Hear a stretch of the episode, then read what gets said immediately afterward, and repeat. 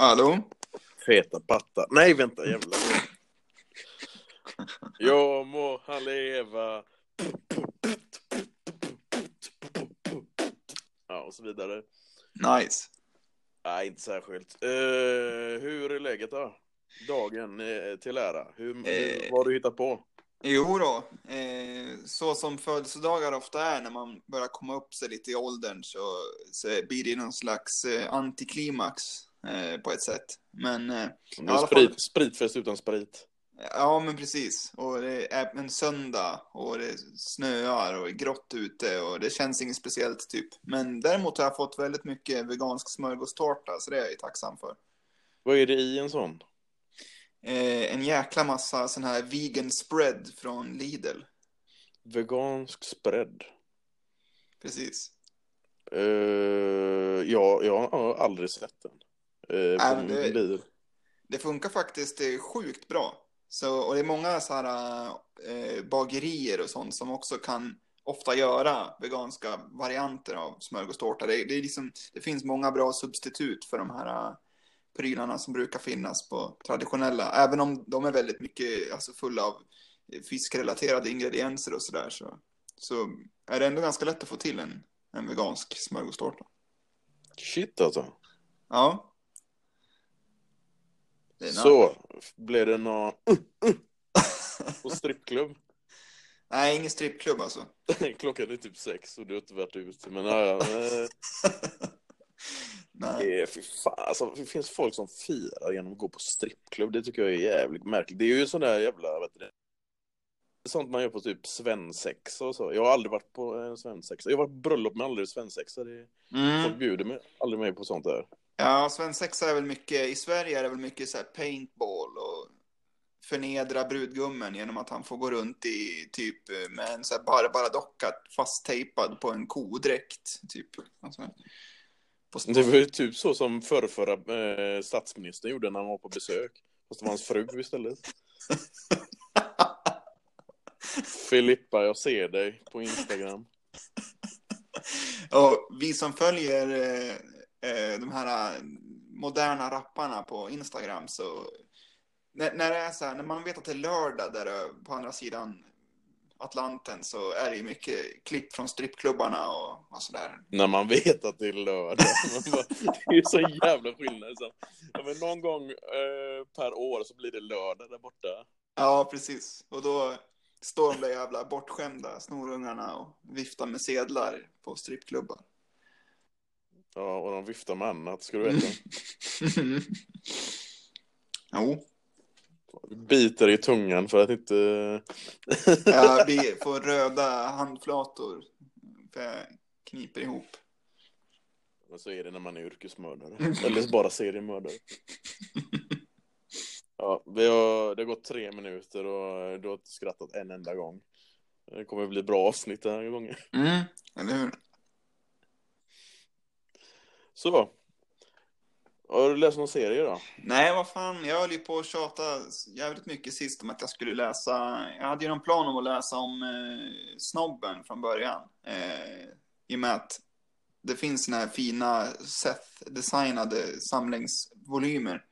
Men eh, sen Mm. så köpte jag ju Steve-Os eh, självbiografi på Kindle. Den här Amazon. Ja, just det. Hur, hur var den? Jag såg att du postade, eller du har ju skickat en del och så. Ja, men eh, Eh, Ja. Den var ganska upprörande, eller du blev ganska upprörd av eh, innehållet. jo, men... Jag blev mest, mest upprörd över att du köpte en Steve och bok. ja, men jag är ju, som många i min generation, så är jag ett stort fan av, av Jackass, eh, liksom fenomenet och, och ja, allt runt om. Och eh, så jag uppskattar ju boken och har väl alltid gillat Steve-O som att hans personlighet, trots att han har levt ett väldigt så här Mötley Crüe-inspirerat liv, eh, så har han ändå verkar vara en trevlig människa och är ju numera väldigt så här aktiv i eh, så här, djurets aktivist och sånt där. Men eh, han, Men han har gjort eh, pudelrocksmusik. Ja, precis. Mötley Crüe. precis. Nej, men eh, han, eh, Eh, och han hängde ju en del med, det finns ju en del intressant i den här boken som även är av visst intresse för hiphop-intresserade i och med att han ändå sprang ihop med, med ODB och sådär. Och han lyckades bli kompis med ODB för att de hade väldigt liknande vanor när det kom till droger och sånt där. Och han lyckades också bli osams och hotad till livet av Rayquan för att han gjorde en, någon sån här ah, I'm the new ODB eh, stuntpryl på någon sån här uh, anniversary när hans mamma var i publiken och grejer. Och han tyckte det var respektlöst. Eh, och det var det säkert också. Till viss mån.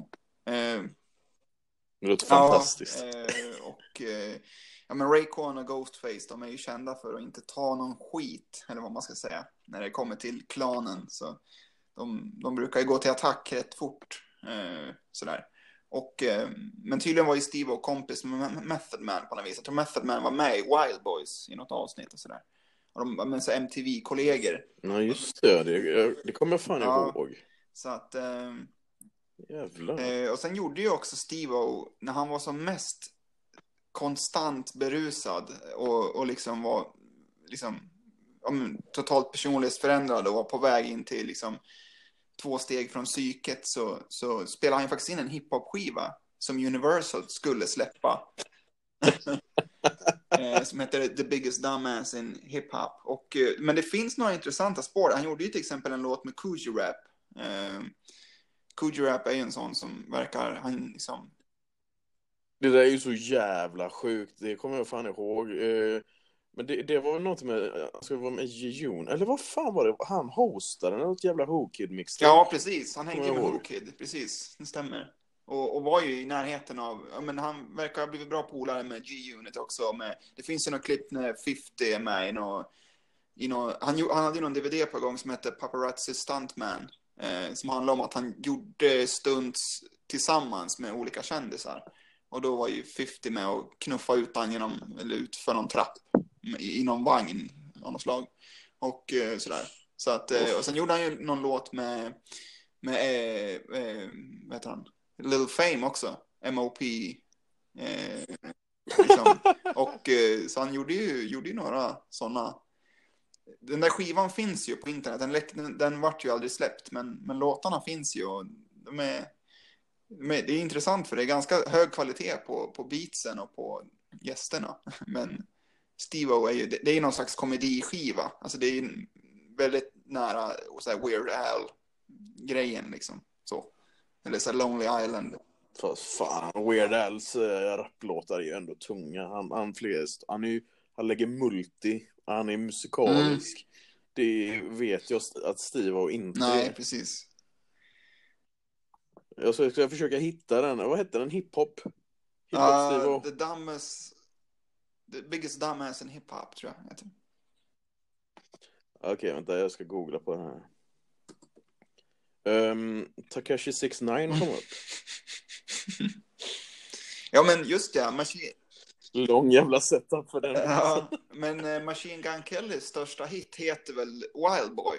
Eh, och så här, I'm a wild boy, call me Steve-O. Och då är Steve-O med och rullar eh, könshårsblunts i videon och grejer. Så de bjuder kompisarna på. För de är, Är det autentiskt? ja, blä. Ja, det kan man fan med säga. Fy fan vad Mm. vidrigt. Uh, man, inte, nej, fy fan. Mm. Är det så här riktig jävla eh, könshår? Nej, fan vad det känns 90-tal att göra något, något könshår-relaterat som inte är ett konstverk. Ja. Eh, ko- Kommer du ihåg när... Eh, eh, du minns den här 36 Mafia, den här Adventures in Hollywood, eller vad den heter? Den här, de gör en låt till Jackass-filmen. Ja, ja, den kollar jag på. Jag tyckte den Ja, var vad tyckte du om låten? Den där, vad heter den? Crazy, eller? den är lite... Eh, Vilken var eh, titelspåret eller? Ja, alltså, det? 36 Mafia gjorde ju någon... någon det, eller om det var till soundtracket till andra filmen, som aldrig... Jag tror den liksom hamnar sist på filmen i eftertexterna, för den passar ju inte riktigt in, kanske. Ja. ja.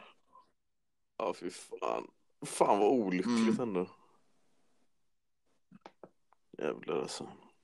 Ja, nej, så jag har ju liksom Uff. eh, haft näsan begravd i den boken hela veckan. Så jag har inte riktigt hunnit läst. Sen såg jag att eh, ni snackade lite om någon ny Buffy-serie på, eh, Facebook som jag tänkte kolla upp också. Men eh, Jag funderar på det, alltså, har, har inte vi snackat om den i ett avsnitt? Ja, det kanske vi Eller har. eh, vi kanske glömde ja, det. osäker. Alltså det, jag, läste, jag läste första numret och det var ju så jävla att de kört en reboot fast det är karaktärerna ser ut som de gör och det är det som är så jävla roligt eh, med att du har eh, Willow Sander som då är som ser ut som eh, Alison Hannigan och eh, Nicholas eh, Brandon Mm. heter han? Och de är på det är ju då första scenen. Då är de på någon sån här hamburgerhak där Buffy Summers jobbar som ser ut som eh, SMG. Mm. Jag är SMG med Sarah Michelle Gellar. Eh, Men det blir i alla fall en eh, konfrontation där. Eh, Vampyrer anfaller. Och de blir, av vampyrerna blir överraskade över att åh nej, hon, du är en slayer. Jag trodde de var döda. Han bara, nej, nu är det, jag är ny slayer, bla bla bla. Men, ehm, och det är väl någonting i stil med att det är just att Willow och Sander ertappar henne eh, fightandes de här eh, vampyrerna på baksidan av det här hamburgerhaket. Varav de blir, eller varpå de blir väldigt, väldigt överraskade och sen så några dagar senare så börjar hon i deras skola Mm. då. Så det är ändå jävligt, eh, det är, alltså man får se henne träffa, vad heter han, Watchern, vad fan är Giles Mm. är det ju. Och sen så är det ju, ja, de refererar ju till den där, vad fan heter den, Wolfram and Hart eller vad fan det nu är, den här eh, advokatfirman, det är ju de onda i tv-serien Mm. Angel. Just det. Och sen så är det ju då eh, eh, det eh, numret avslutat. Vad fan är det? Men Det, det är någon sån här någon lokal butik som säljer massa krimskrams. Och det är någon tjej som står där och som ser ut som Emma Caulfield. Och Emma Caulfield spelade ju, vad hette hon, Anja? Eller var det Anjanka? Nå- något sånt där. Men det är ju hon som är någon slags demon. Eh, och jag kommer ihåg att hata den jävla karaktären. Mm. Men det knackar på dörren och så, så kommer Drusilla. Och det är la- last page revealen då. Drusilla är ju då eh, den här jävla vampyren som eh, Spikes flickvän. Spike var ju den stora onda i säsong två och en bit i säsong Mm. tre också. Men eh, här känns det som att de har kört någon slags eh, reversal med att det är hon som är det mäktiga. Att hon är ju typ svin, alltså hon är, hon är ju liksom bossvampyren Mm. då. Och Spike verkar bara vara någon slags, eh, ja, Mm. goon. Eh, eh, det minns jag att, eh, ja, men jag läste nummer två också där han hade en lite mer framträdande roll. Men han verkar inte vara så elak som alla andra är. Så, eller alla andra vampyrer. Så. Jag får se hur, hur det blir av den serien. Det är, Mm. Än så länge är den jävligt intressant Mm. att läsa. Men eh, ja, jag läste senaste Unnatural också. Där är ju en sån jävla serie som jag bara, fy fan vad den var lovande en gång i tiden. Nu är den bara skit. Nu är det bara massa jävla sci-fi kör och det är någon sekt och ja, ja, vi fattar. Grisarna får bara para sig med grisarna och hundarna får bara para sig med hundarna och här är det ju, det är ju den här eh, de försöker fly för den här sekten, Leslie som är den där grisen och eh, ja, och, och, den här vargen som hon har hallucinerat om då, som i tidigare liv var det hennes älskare, bla bla bla. Fy fan vad löjligt. Helikopter också, det tycker jag är jävligt fjantigt. Mm. Men eh, i övrigt, eh, läst lite Acke också. det är fan det enda jag gör. Mm. Jag sitter och väntar på att, eh, vad är det, nummer 703 av eh, eh, Archie Comics ska komma ut. Mm. Eh, det ska tydligen bli eh, en spännande reveal av något slag där. Mm. Eh, Kom ihåg att nummer 702 slutar ju med att det var någon som hoppade upp ut ur buskarna och anföll sopprot. Oj, oj, oj. Mm. Aj, aj, aj. Förresten, hur långt har du sett på uh, Riverdale? Jag tror jag är på avsnitt eh, 10 eller 11 nu. Ehm, Okej, du har inte kommit till... eh, nu är det väl 15 som är senaste. Jag har bara sett upp ja, 14. precis. 15 är senaste. Det är, sista jag såg var ju att Acke började typ supa. Alltså de börjar väl introducera att han... För att han har ju fått nog på flera plan nu och börjat boxa. Liksom, Man har gjort om sitt sovrum till någon cell nästan. Och, det, är, det är lite, det är väldigt sorgligt på något vis, eller melankoliskt att se Luke Perry nu också i, i serien. Eh, Ja, det, det tycker jag är jävligt, jävligt jobbigt att se. Eh, inte för att jag, jag tyckte att han var så jävla, men det är bara att eh, det är sista gången man ser honom i något sånt här sammanhang. Mm, men verkligen. Och eh, han, har, han är ju, ja, jag har till och med kollat lite på så gamla oss-klipp när han är med. Han spelar ju någon sån här eh, religiös ledare som fängslades i den. Va? Så, han har What? riktigt så här Jesus-swagger i den serien. Så, han blir ju inmurad där. Okej, nu ska vi äh, där, spola tillbaka, spola tillbaka nu. Du sa alltså Jesus swagger, det var det jag reagerade på. Du använde alltså swagger i samma mening som Jesus. Japp. Jesus hade tofflor och någon sån här vit särk. Mm. Och otvättat brunt hår. Det där är fan ingen swagger. Mm. Nej men... Jag Eh, vet inte hur, hur det är hos er i Söderhamn här, men här nere i civilisationen så har vi fan, vi har lite mer swagger va. Vi har Leif Loket uh, drippen här, du vet. ja, just det. Men eh, fan.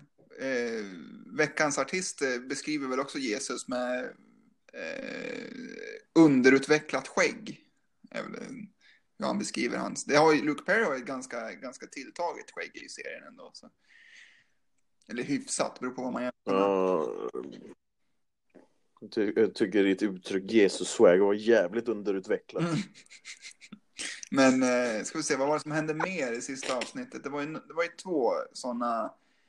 Just det, så var det den här Reggie, Veronica och eh, triangeldrama. Jag ser triangeln va. Mm. Men sen, Har eh, gargoylesen dykt upp? jag var de här i maskerna och skinnjacka typ. Eller? Ja, vad fan är det? Ja, nej, det är ju liksom jävla... förbudstidens style, verkligen. Med hela gamla Grejen är att truck. Det, det påminner mig svin mycket om eh, den här eh, Image Comics-serien Moonshine som eh, jag läste där ett tag. Den som handlar om de här som de säljer hembränt och så, de bilar. Det är ju så på 20-talet. Och sen så visar det sig att ja, men det, är, det är ju sådär mellan eh, vad fan är det, den här, den här skogsstaten och New Orleans eller någonting där hålls på, där de håller på med voodoo och sådär. Mm. Och då, då visar det sig att det, det finns någon kannibalsekt och så vidare, så det är lite övernaturligt inslag. Så jag får den vibben av att de här jävla gargoyles-löjdarna är med. Har Pretty Poisons dykt upp än? Nej, jag tror inte det. Just ja, eh, han, eh, Skeet Ulrich har blivit snut också. Eller sheriff till och med. Är han väl. Ja, han har hoppat av serien och har blivit polis nu. Eh, vad Eller, heter han? FP? Vad fan heter han i serien? F.P. Jones. Just det. Ja. Ja. Spoiler alert, det var han som var mördaren i filmen Scream. Billy. Ooh. Mm. 13 år, nej men 13, 23 år senare så spoilar jag den. Mm. Ja, nej, så, men jag, du pratade en del om förra veckan att hur mycket han eh, Sopprot spelar över. Jävlar vad det, alltså det har nästan, ja man har ju tänkt på det i, viss mån tidigare, men jävlar vad han är, alltså felkalibrerad genom de här avsnitten nu när han, det är Ja. sjukt alltså. Det är så kul när... Eh, det, det är sådär, vilket jävla avsnitt är det? När, när, eh, när de håller på med det jävla DND-köret och så eh, lackar han på sina jävla... De är ju så jättemånga de här jävla um, Serpents då. Och så eh, det, tvingar han hon eh, rödtotten med fetingröven där, vad fan heter hon? Eh, Cherry Blossom. Eh, när han ska skjuta pil, på, när han ska William Teller och han bara Do it! Det är så jävla jävla roligt och hon bara står där. Mm. Och Nej fan. alltså. Jag gillar ändå den här grejen också med att Betty åker och hälsar på farsan där i det jävla högsäkerhetsfängelset och han är sån här Hannibal Lecter-karaktär bakom plexi. Ja fy fan vad, alltså det är så uppenbart uh, rippat där. Alltså det är ju en, en jävla sak så när man eh, eh, vad fan var det nu det med eh, Children of the Corn-grejen som jag såg i ja, den andra jävla serien men eh, nej. Det, det, fan de är inte de är inte jätteduktiga på sina hommager i, eh, i Riverdale. Nej.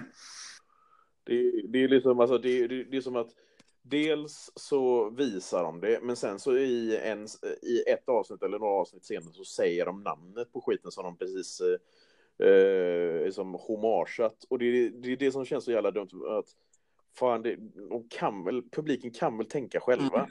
Eller så är det så att det är bara vi som är typ eh, en äldre generation som tittar på det här och bara liksom, ah, det är taget därifrån, ah, det är taget därifrån, ah. Eh, och så måste man liksom få det serverat så. Mm. Eh, om man är, säg att man är så här 10-11 år och ser det här och bara, vad fan. Ja, ja. Menar, vad fan är... Jag blir så jävla piss. Alltså jag, jag, såg om, jag såg om Sabrina för tredje, fjärde gången nyss. Mm. Och det här med, nu när jag upptäckt såna här jävla grejer, det här med att vad fan är det där jävla glasfönstret är taget direkt från Suspiria och massa sådana här jävla roliga Mm. grejer. Men det, det är ju liksom sånt som man liksom har, eh, dels att man ser det själv och sen så om man då googlar fram, inte att någon jävel ska liksom komma med sån jävla pop-up fönster och bara det här är taget härifrån, Riverdale har tagit det här härifrån, Mm. fuck you jävla, och jag blir så trött. Jag blir så trött, så fan. Eh, Har Sweepy dykt upp än? Eller inte Sweepy, eh, vad fan heter fanskapet? Fangs. Fan, eh... Ja, det, det, det är en festlig jävel. Den jäveln. alltså. Eh, Men det var inte, inte Fangs, Fangs dog ju. Men, eller? What? Ja, fy fan alltså. Ja, men eh, nog om detta. Vi hörs sen i Riverdale podcast Ja. nästa vecka. Ja just det, vad fan, vi, var, visst var det jävligt roligt där? Har du, nej, du har inte sett så långt än. Du är på avsnitt 10. Hiram, ha- han, han har ju en sidechick. ja, jäklar. Nej, det har jag inte sett än. Fast det, är- alltså, det, om man är inne på Instagram så har man sett det också. Men han är ju då otrogen mitt uppe i allt med någon som han har, som han har, eh, någon affärs, eh, han, han har en affär med någon som han har en affär med. Okej. Och så är det, och så är det Kelly Ripa som spelar den. Och det, jag menar, Kelly Ripa är ju för fan hans fru på riktigt. Mm. Hon som sitter där i Kelly och Regis på den morgon-tv i amerikansk tv. Ja, ja. Där ser man. Så bara, okej, och så ska de, så ska de typ ha sån där, eh, har de sån här dialoger och så har de sån här naturlig jävla dialog för att de har liksom känt varandra i sådär 15-16 år, de har tre barn ihop och bara, nej det är, fan jag har fan svårt för sånt att när det är sådana här real life couple som har bättre eh, liksom, eh, kemi on screen än vad de har med eh, sina skådespelarkollegor. Mm. kollegor. Jag hatar sånt man. Fy fan. Vi ska inte stoppa Västlänken och invandringen. Vi ska stoppa on-screen couples och off-screen couples. Mm, men Riverdale har blivit en jävla eh, bonanza i den grejen ju. Det känns ju nästan som att eh, off-screen couples styr handlingen lite grann i serien numera. Ja, fy fan. Det är så jävla Det blir kul sen när alla gör slut. Tur att... Eh... Ja, fy fan. Nej, jag- är så jävla glad att... Eh... Ja, å andra sidan, fan om det händer där. Eh... Nej. Nej, jag är så jävla rädd att det ska... Att någonting kommer hem, hända i eh, Chilling Adventures också. Fy Mm. fan. Eh, jag vet faktiskt att... eh, nej, just det, du har du har inte sett någonting av det. Men det är, det är faktiskt två stycken av... Eh, skådisarna som träffats eh, i privata livet nu. Det är ganska roligt tycker jag för att eh, jag, jag såg trailern till säsong, eller kapitel två som de kallar det. Och det verkar som att de verkar ha samröre med varandra on screen. Och bara okej, men det tycks vara en ledtråd över vad som händer på riktigt. Så det tycker jag är jävligt Mm. intressant. Fan, alltså han Russell Lynch är faktiskt jävligt duktig. Jag, jag har sett några av hans Disney-grejer så, men Alltså han var ju bra, jag tyckte han var ganska bra i den här jävla, vad fan hette den, jag menar Damer-filmen. Mm. Just det. Den gjorde han ju också. Fast, jag, fast han, han, det, det är någonting med det som är med, svårt för sådana som hoppar mellan, ja men det är den här Supernatural-serierna och sen så är det de här Disney-grejerna som de börjar med och sen så blir det indie-filmer och sen så eh, rätt som det är, pang, så är de med i en stor film. Eh, jag hade så jävla svårt för, vad heter hon, Melissa Benoist, eller Benoit, eller vad fan det nu är. Uh, hon var med i Glee och jag såg, jag tittade inte på Glee särskilt mycket då när hon var med. Men sen helt plötsligt blir hon Supergirl i tv-serien Supergirl. Jag tänker inte mer på det, okej. Okay. Och sen så läckte det ut porr med henne. Det var kul. Eh, men helt plötsligt så dök hon upp i den här jävla filmen om den här Boston, den Boston maratonbombningen. Mm. Och hon spelade då den här, den, amerikanska hustrun till en av de misstänkta bombarna då som hon hade då konverterat till eh, islam.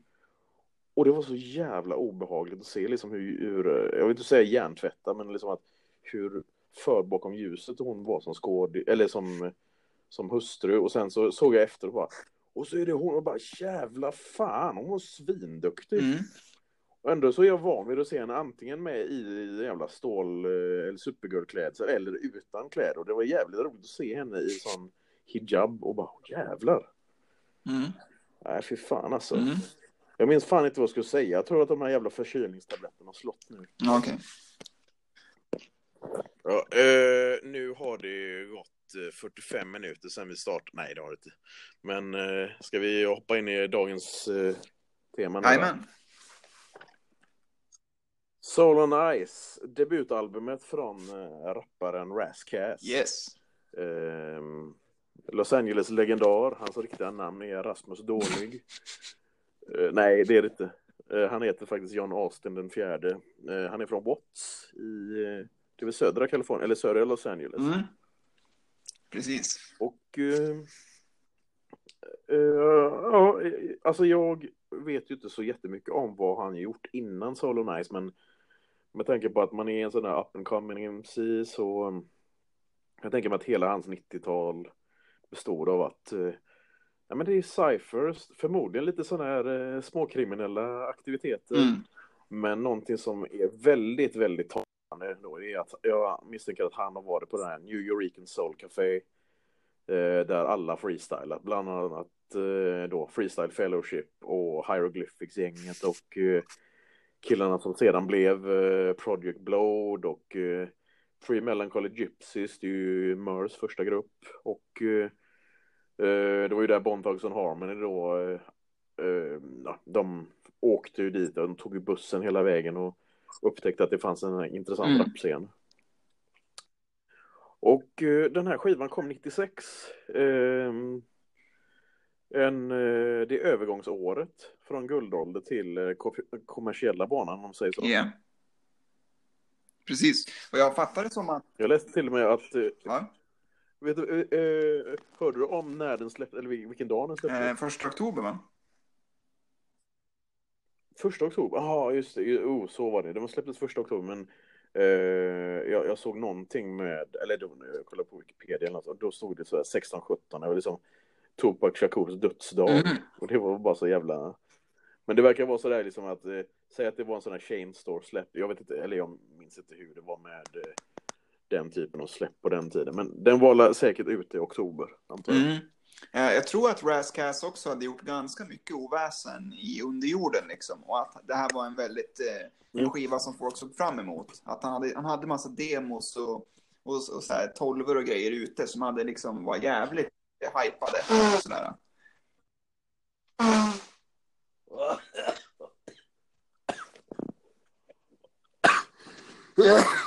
Shit. Det var länge sedan jag var så här frisk. Mm. Uh. men demos alltså. Det är ändå jävligt, eh, det kan jag fan tänka mig är någon sån, eh, eller ett typ av sätt att röra sig framåt som i, på i underjordsscenen. Jag menar att, att sälja kassetter, att sälja sånt. Köra det, mm. den vibben. Ja, precis. Ja, nej, så att eh, många var nog... Eh, han hade nog en hype, en viss hype. Och jag tänkte jag skulle kolla upp alla de här grejerna som fanns. Jag läste någon recension av den här skivan när de saknade några spår som hade ju liksom varit populära med honom. Men som inte kom med på den här fullängdaren då. Men ja, Mm. Så det finns nog en del att kolla upp med honom som, som fanns sen innan. Men eh, det här var ju debutskivan i alla fall. Eh, och den är väl döpt efter någon sån här eh, Black Panther-medlems eh, bok. Eh, som hette just Soul and Ice då. Och så. Och de influenserna märks ju genom hela skivan också. Den här afrocentriska Ja. världssynen liksom på saker och ting. Men det är väl, eh, vad fan heter han, Eldridge Cleaver eller Ja, något sånt det. där. Som var sådär, han skrev en bok i Ja, fängelset. Det är väl det som också eh, omslaget eh, till den här skivan är en referens till. Mm. Och den är ju då väldigt blå också så att om man säger easy vibb.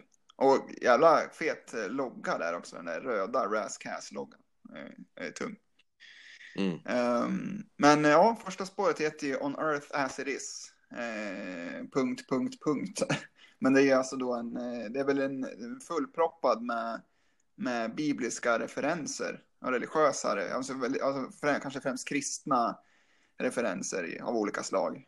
Eh, Ja, men han tuggar på som fan på den låten verkligen. mm, Eh, den, det känns ju som en sån låt, eller, eller det känns ju som en sån MC som, eh, alltså han låter ju inte alls som, eh, som den här, den här typiska samtida västkustrapparen. Om man kollar på sådär King T, Alcoholics, eh, Dog Pound, Snoop, Death Row-gänget. Det, känns ju, det här känns ju som en Black Moon-artist faktiskt. Eller Black Moon, eh, Duck mm, Down-artist. verkligen. I stil, I stil med Black Moon och Buckshot och hela, jag menar, Helt och Skelter och Mm. de här. Och nästan lite så här Britcore-vibb på beatet och sådär också. Ja, det är det absolut. Jävlar alltså. Så det känns ju som att det, det, alltså beatsen på den här skivan är sådär fem år för sena. Eller vad man nu sk- eh, skulle Ja, och den har säga. väl fått lite kritik också för just beatsen av, från vissa håll. Alltså vissa älskar ju hur den låter och vissa tycker att den är att beatsen inte höll måttet riktigt. Att de var lite dammiga redan 96. Men ja. Mm. Eh, ja men det här är en sån här riktig rap genius låt också. Som folk har suttit och, och liksom eh, lagt in information om varje rad och vad det är han hänvisar till för bibelverser här och där och ja. Hur, fan, hur vet du det? och kollade. Du har varit inne... Varför, gör du, varför kollar du på den här skitsidan? Usch! Nej, den är fet. Blä! Ja, det är den säkert. Jag vet inte fan. Jag hade den på telefonen förut, men eh, ja, den, eh, den la av. Jag vet inte vad det Mm. var som hände. Ja, fan. Eh, Det är kanske att jag inte är uppdaterat. Så enkelt eh, det. men vad tycker du så här av första, första spåret? Eh, hade du hört den här skivan innan eller vad hade du för relation till den?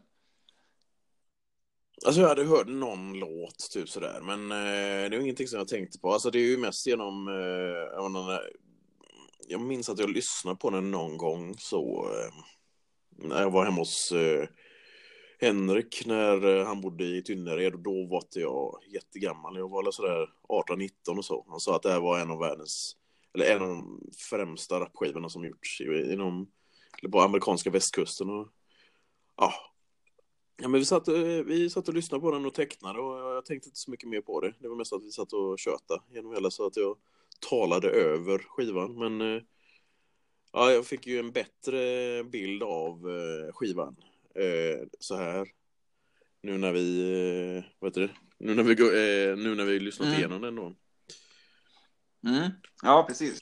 Eh, men eh, alltså, eh, någonting som, någonting som jag tänker på är ju att ehm, det sägs ju att Ra- Rascas är NAS, eller västkustens NAS på det här sättet. Mm.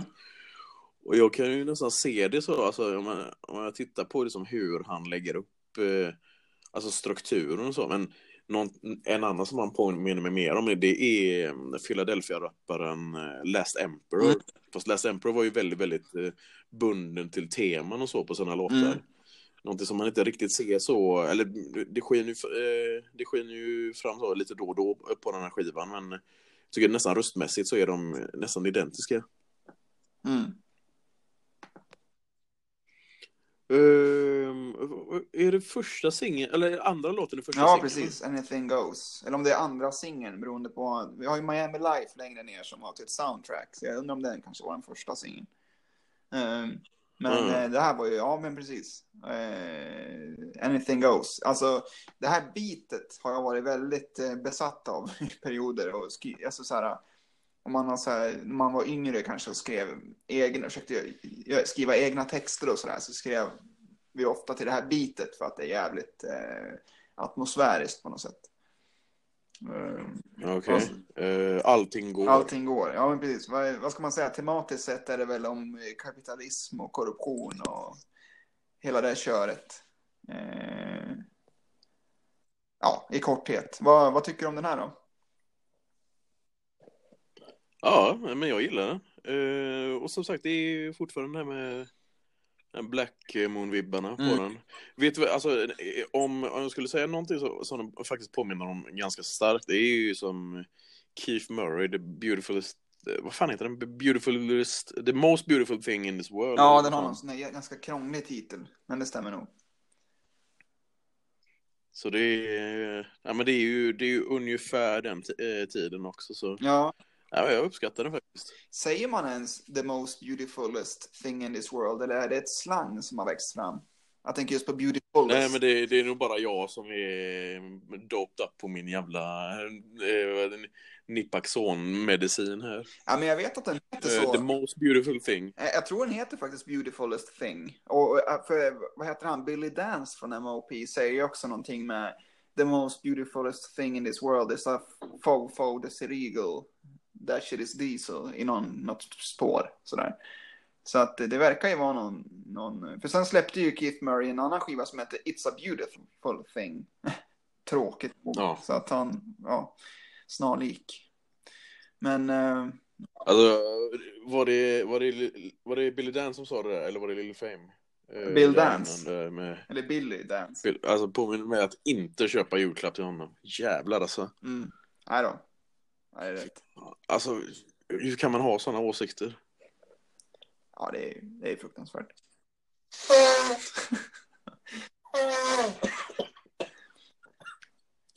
Eh, vad fan var vi nu då? Marinating, nästa låt. Ja, det låter som att du kör en liten V-kap eller något sånt där hemma i saxofongatan. Du kanske inte vill outa din adress? Jonas. Eh, Nej, jag sitter på toa. Skiter mannen. Och gud, nu blev jag så rädd. Nu, blev, nu fick jag lock i öronen. Det här är ju fantastiskt. Fy fan. eh, Marinade, Jag är, jag är, va? ja, fa- fan, jag, jag är så, fan, jag är, jag är signad på Def Jam helt plötsligt. Jag hör fan ingenting. Hör du mig nu? Nej, så jag hör det, men jag, jag, är, jag har lock i öronen. Okej. Eh, DJ Battlecat, varför känner man igen honom? Eller vartifrån känner man igen honom? Han är väl en eh, sån här västkustproducent som har dykt upp tidigare, va? Vi har hört han på eh, MC Rens skiva, vi har hört han med Cube, vi har hört han på, eh, eller det är visserligen eh, jag som har men jag har gjort en hel del med LL Cool J faktiskt på de mer street-saviga skivorna som kommit på 90-talet. Mm. Ja, just det. Ja, nej men... Eh, vad är, ja, precis. Slapp hemmafest med Ras Kass. Helt enkelt. Den är ganska mysig den här låten ändå. Även om den är lite mellanspår sådär. Du slapp en hemmafest med Mm. Rascas. Men att jag slapp den. Jag undvek. Ja. Ja. ja. Det hade jag nog också gjort. Fy fan, han verkar vara en högtravande jävla dumskalle faktiskt. Jo, men eh, i perioder så lyser ju... Ja, i alla fall om man utgår från, och nu är vi, vi är inte på låt fem nu. Det är lå, låt fyra vi är på, så här är det fortfarande kalas. Jajamän. Eh, men det finns inte så mycket mer att säga egentligen om den. Den, den är... Ja, nej. Låten Bjobb, eller han säger Bjobb i den. Just det. Fast det, det står, alltså BYOB brukar stå för Bring Your Own fa- fast här är det Bring Your Own B stands for Blunt and Bitches. Precis. Vilken jävla fan. Mm. Och han startar sin dag med Coca-Cola och Remy Martin. Säger han. Fan, det är... Jag startar, jag startar min dag med Fluoxetin och gråta framför spegeln. Ehm, vidare till nästa. Det är så jävla kul. det är så kul när det blir obekvämt, det är det roligaste. Det här är fan min födelsedagspresent. Det är bra. Nu är det där med den svåra jävla titeln, ja. Mm. Vill du göra ett försök? Helst inte. Nej, men... Eh, alltså jag har försökt, alltså... eh, Re... Är det bara really, uh, relish him, release him, realism him. Nej men realism, re, re... Alltså vad, vad fan handlar låtjäveln om ens? Eh, Realize him. Nej, den där. yeah. Re, re, legalize it? Nej, vad fan. Det börjar bli ri- riktigt jävla svårt här. Den här jävla kokilianen, nej den har inte ens rört, men ändå. Mm. Re- Release, men release him, realize him, release him, legalize it. Fan. Mm. Ja, eh, det, det, det enda som jag reagerar på, på på den här låten, det var mest att eh, ja, under veckan när jag lyssnade på den, det är att uh, den här um, hooken är ju en, ett citat som jag känner igen från någon låt som används av Nas flera år senare på uh, Streets Disciple-skivan. Och det blev mer att jag reminissar över den Nas-låten än att uh, koncentrera mig på den här låten. Mm. Eh, uh, really Sim. Men den var, alltså, den var väl okej, skulle jag säga. Mm. Ja, han säger ju några grejer. Jag tänker på, visst är det väl på den här låten han säger typ eh, Make a radio hit, heads criticize it, underground classic, nobody buys it.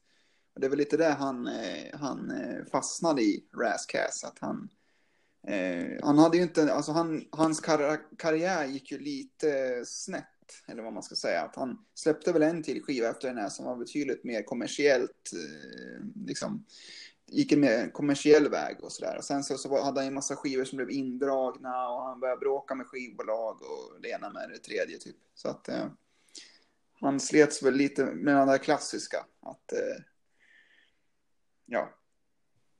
Eh, många, många liksom, om man säger purister, vill ju ha, vill ju ha sin Razzcast-musik på ett visst sätt som inte alltid var det mest kommersiellt gångbara kanske. Mm. Ja, absolut. Eh, Alltså, har du lyssnat på Assassination? ja, men det har jag gjort några gånger. Eh, en av de få grejer som jag minns från den skivan är den här ganska roliga sketchen när han ska skälla ut någon sån här real eller true head-lyssnare och börja tappa masken och börja skratta halvvägs genom sketchen. Jaha. Det tyckte jag var roligt. Han bryter karaktär, det, det låter fruktansvärt. Jag menar, vad fan, det är... Hur var musiken? Ja, alltså jag, jag har inte hört mer än eh, den singeln. Det, det var den med Dr. Dre, eller hur fan var det? Mm. Ja, just det. Han gjorde ju en låt med Dre och Mac 10 där. Eh, och producenten... det. Ghetto Ja, precis. Producenten heter Scooby-Doo. Det är ju fantastiskt. Åh, herre. Eh, ja, men det är några roliga med på skivan ändå. Twista är med, eh, Exhibit är med. De verkar ju vara polare. Eh, alltså Razzcast och Exhibit verkar ha hängt en hel del. Och eh, Ja, men det är väl via Golden State. De, hade väl, eh, de var med i den gruppen tillsammans. ja, precis. Och Rissa är med också. De är ju också Golden State Project, det är det är väl han och... Va? Är Rissa med? Mm. Åh nej, vänta, vänta. Eh, Den här skivan kom 98, då är det fan inte intressant. Nej, och sen så är det ju han, eh, vad heter det, Badass. Eh, som är med i, Ah, Snoops, eh, Snoops eh, kusin. precis. Så det är ju lite skojiga gäster och så. Jag ska nog fan lyssna om den här skivan också. Någon gång. När man orkar med. Sen släppte han en skiva som heter Van Gogh som, som drogs in. Som är, men det, han har några feta, han har ju framförallt några feta premierlåtar längre fram i karriären som är grymma också. Men eh, Ja, just det. Men eh, ja, eh, nu är det ju då dags för skivans eh, bjässe på ett sätt. I flera olika bemärkelser. Spår nummer fem. Känner du dig redo för Nature of the Threat? Åh fy fan.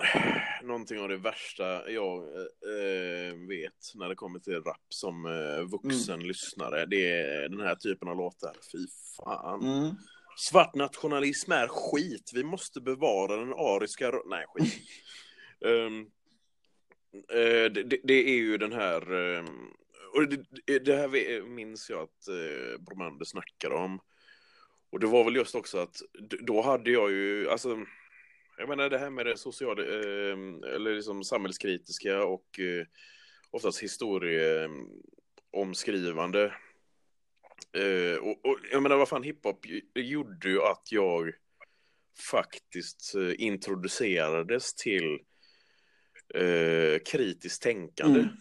Mm. På ett annat sätt än liksom, det var ju först när jag då läste kultur och idéhistoria i gymnasiet, men vid, den unga, vid unga år så var det ju eh, grupper som Public Enemy och liksom eh, KRS som fick mig att fundera på eh, ja, hur saker egentligen låg till. Och ehm, jag menar det här, det här som man gör på den här låten, det är ju precis samma sak som jag menar, Public Enemy, Jungle Brothers, X-Clan och vad heter de här Arrested Development, inte tv-serien med samma namn. Men alltså, det är så många som, KMD, eh, MFDs mm. första grupp, mm. de var ju sådär, fast de var väldigt afrocentriska på ett helt annat sätt. Det här är ju, det här är ju lite av en, ja men det är lite av en avhandling han kör. Det är väl baserat på en specifik ja, jag tror han till och med är, var afrofuturist eller något sådär, han eh, den här idéläraren eller författaren som han, han refererar till honom i slutet av den här mm. låten. Um, jag, är, jag är faktiskt jävligt glad över att jag inte hörde den här låten när jag var 13, 14, 15. Då hade jag förmodligen blivit en svart nationalist. Då hade det varit jävligt mm. obehagligt. Ja, visst. Och det känns ju som att vita hiphop-lyssnare tenderar ju att bli väldigt fixerad vid den här låten. Um, på... Nej men fortsätt köta medan jag snyter mig. Fortsätt ja. bara så att jag... Så att de... Ja.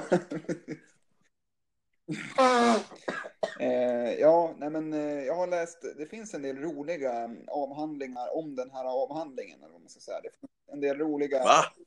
Har folk skrivit ja, om här? Ja, folk som har gått igenom eh, för det man får säga om den här låten är att den är sju minuter lång eh, och det är en ex extrem afrocentrisk syn på människans historia som Raz Kass målar fram här.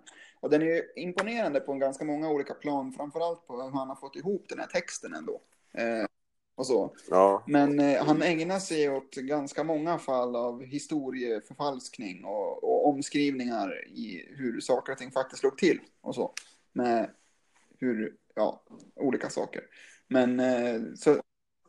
Vad är det han säger om att eh, eh, en sån där jävla grej som att eh, Sappho tränade kvinnor på ön mm. Lesbos.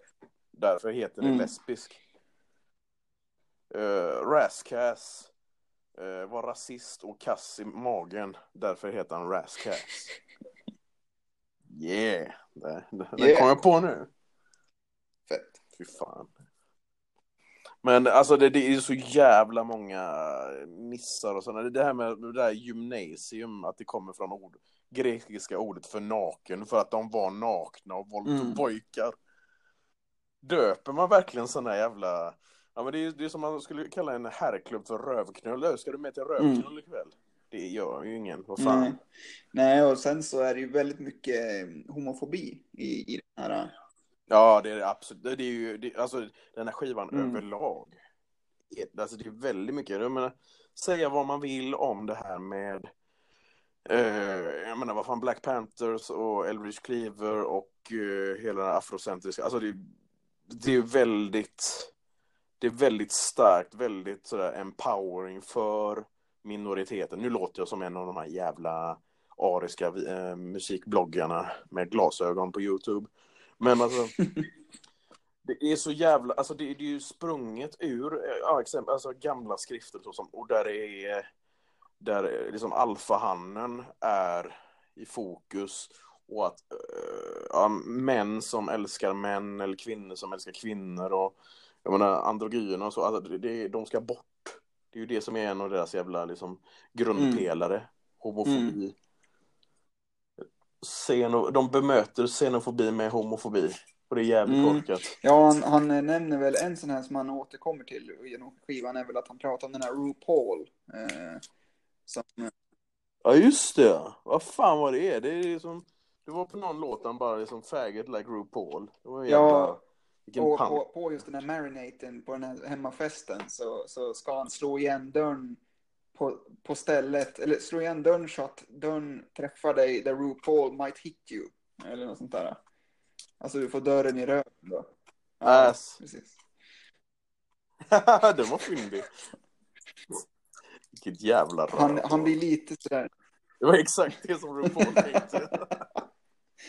Uh, ja, nej, men det finns, man kan, man kan liksom sjunka ner mycket i Nature of the Threat och allt det som Rascast pratar om där. Men det finns som sagt en del, om man är intresserad av det så finns det en hel del skrivet på nätet och sådär. Det finns någon avhandling som heter typ så här, varför du inte ska röka cannabis när du läser historia och så vidare.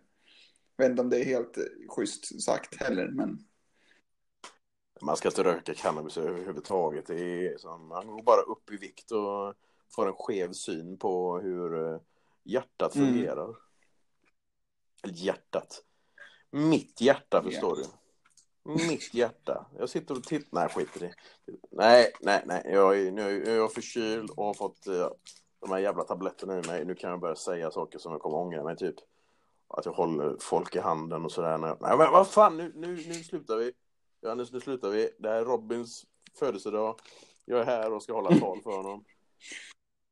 Men alltså det var ju en grej som jag tänkte på, det så, nu får jag använda mina stödord här. Ehm, ja men som sagt, eh, det var ju det som jag var inne på, det här med att, eh, att man läser kritiskt tänkande, kritiskt granskande, viralgranskning, jag menar, speciellt när det är sådär fake news och sådär. Men jag kan ju, alltså jag, jag tål inte sån här typ av jävla informationsrapp.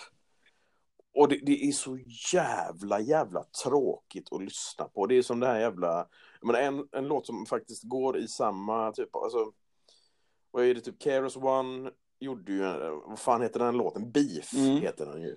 När han går igenom hela um, hur djur utsätts. Alltså det, det känner du säkert till, du som, du som håller lite kost, eh, växtbaserad kost och så. Men där man beskriver liksom hur sjuka djuren blir och så. Och sen slutar de upp på tallriken. Och, och så vidare. Och det är ju så, visst, det är informativt. Och jag menar, bitet är ju fonky och så, så man kan ju, det blir edutainment. Det är ju det som Keros man kom på. Men det här är inte underhållande på något sätt. Det här är ju det här som Immortal Technic har byggt en jävla karriär Mm. på. Det är det som bara liksom rabbla upp årtal, rabbla upp olika namn. Typ som Game gör fast med, alltså, med ännu mindre finess. Mm. Uh, fy fan alltså, det här är... Jag fattar ju, jag förstår ju varför folk snackar om den här jävla låten men Mm. fy helvete. Jag har aldrig sovit så bra som till eh, Nature of the Threat när jag lyssnar på den. Och då är det ju tyvärr en av de grejerna som Razzcast är mest känd för. Det har gjorts många sådana här specialintervjuer av olika blaskor och sånt där om den här låten. Ja, homofob. nej, det, de hoppar väl över den lite snyggt, ungefär som när folk intervjuar promo om eh, Loop Groups tidigare grejer. Så, eh, Vadå, är så de bra grejerna? Så det är därför de, de pratar aldrig om liksom hans bra grejer, de pratar om vad vad nya. ja, de pratar om dem. Ja, ni hörde mig där ute, ni Loop-lyssnare. Kassett var deras grej, nu är de. Fan, Alltså jag låter fan berusad, den här jävla tabletten. alltså. Eh, ska vi hoppa vidare till eh, Vi hoppar vidare till Loop. Nej, men det gör vi fan inte. Vi hoppar vidare nästa till... veckas skiva? Nej.